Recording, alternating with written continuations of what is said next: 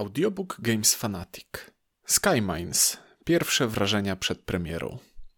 Tekst Maciej Poleszak, Ciuniek. Czyta autor. Już za chwilę, już zaraz, już za moment odbędzie się premiera polskiego wydania Skymines.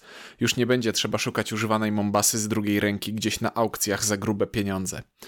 Miałem już okazję rzucić okiem na to nowe wydanie starej gry pod nową nazwą. Zajrzałem do środka, zagrałem i teraz chciałbym skorzystać z okazji i odpowiedzieć na kilka kluczowych pytań, które w ramach klamery narracyjnej zadam teraz sam sobie. Pytanie. Nie znam Mombasy. Czy to była jakaś dobra gra?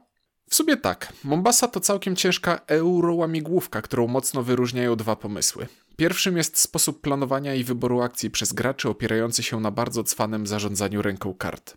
Co rundę każdy gracz zagrywa na stół kilka kart, które trafiają później na kilka stosów kart odrzuconych, z których tylko jeden możemy cofnąć na rękę we wskazanym przez zasady momencie. Pomysł jest błyskotliwy, wymuszający długofalowe planowanie i gdyby był jedynym elementem rozgrywki, to gra i tak warta byłaby uwagi graczy. Nie muszę chyba wspominać, że do kupienia są nowe karty, a stare można ze swojej talii ręki usuwać.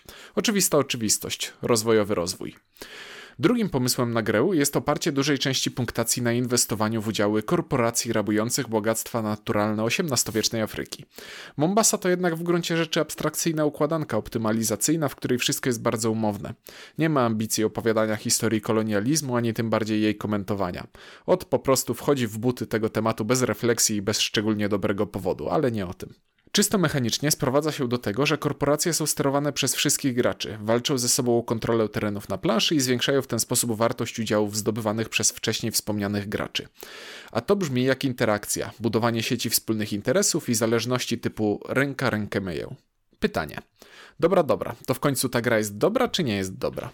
Według mnie tak. Jest z jednej strony bardzo typowa, bo każdy z graczy znaczną część swojej uwagi poświęca na swojej własnej planszy, rozwiązując swoją własną zagadkę. Ja na przykład jestem tutaj swoim największym przeciwnikiem, bo większość moich problemów bezpośrednio wynika z moich własnych błędów popełnionych parę ruchów wcześniej.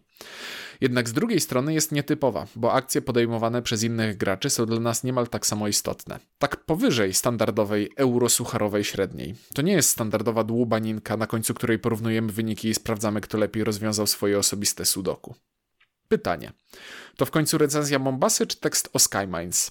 Tak, Gdyby w poprzednich akapitach podmienić tytuł i zamienić Afrykę na księżyc, to cała reszta zostaje taka sama, włączając w to korporacje rabujące bogactwa naturalne.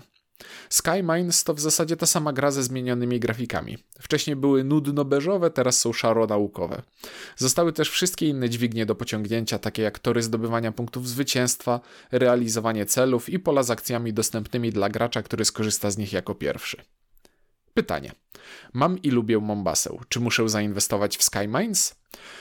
W sumie to nie. Serio. Nie ma według mnie dobrego powodu, aby posiadać na półce obie te gry jednocześnie. Jest jednak jedno duże ale. Skymines zawiera w sobie całą Mombasę, ale też dokłada coś jeszcze pod postacią dodatkowych modułów zasad. A tłumacząc z technicznie prawidłowego na zrozumiałe i opisowe, Skymines to cała kompletna gra plus sporych rozmiarów dodatek do tej właśnie gry. Otóż plansza do gry jest dwustronna. Z jednej strony wygląda jak w XVIII-wiecznym pierwowzorze, a z drugiej jest nowiutka, ze zmianami w regułach i wynikającymi z nich różnicami we wrażeniach. Budując kopalnię na pasie asteroid, korporacje stawiają na planszy nie tylko placówki, ale też zajmują połączenia pomiędzy nimi za pomocą statków transportowych. Nowy rodzaj elementu to nowy sposób na podbicie wartości spółki. Na dokładkę na jednym polu, asteroidzie, mogą znaleźć się budynki kilku korporacji, koegzystując w pokoju. Nawet jeśli tylko przez chwilę, to jest taka możliwość. Pytanie. Coś jeszcze? W skrócie, tak. Nie wgryzłem się jeszcze ani w dwa mini dodatki dokładające dodatkowe cele do zrealizowania na każdej z plansz, ani nie rozegrałem pseudofabularnej kampanii czterech połączonych ze sobą scenariuszy, które autor od pewnego czasu umieszcza w każdej ze swoich gier. Nie nauczyłem się obsługi bota pozwalającego zastąpić jednego z graczy przy stole, który potencjalnie może przydać się w rozgrywkach dwuosobowych, ponieważ jest to ten typ gry, w której liczba graczy pozytywnie wpływa na wrażenia płynące z rozgrywki. Jest dłużej, jest trochę ciężej i trochę bardziej nerwowo i niepewnie, ale przepychanki placówek korporacji na planszy głównej są wtedy zdecydowanie bardziej dynamiczne i ciekawe. Dzieje się więcej. Na pierwszy rzut oka Skymines wygląda więc na grę bogatą w treść, a to dobrze. Mam motywację, żeby do tego pudełka zajrzeć jeszcze co najmniej kilka razy. Moja optymistyczna prognoza na przyszłość. To będzie udana reedycja. Nic z pierwowzoru nie zostało zepsute. Po więcej tekstów zapraszamy na www.gamesfanatic.pl.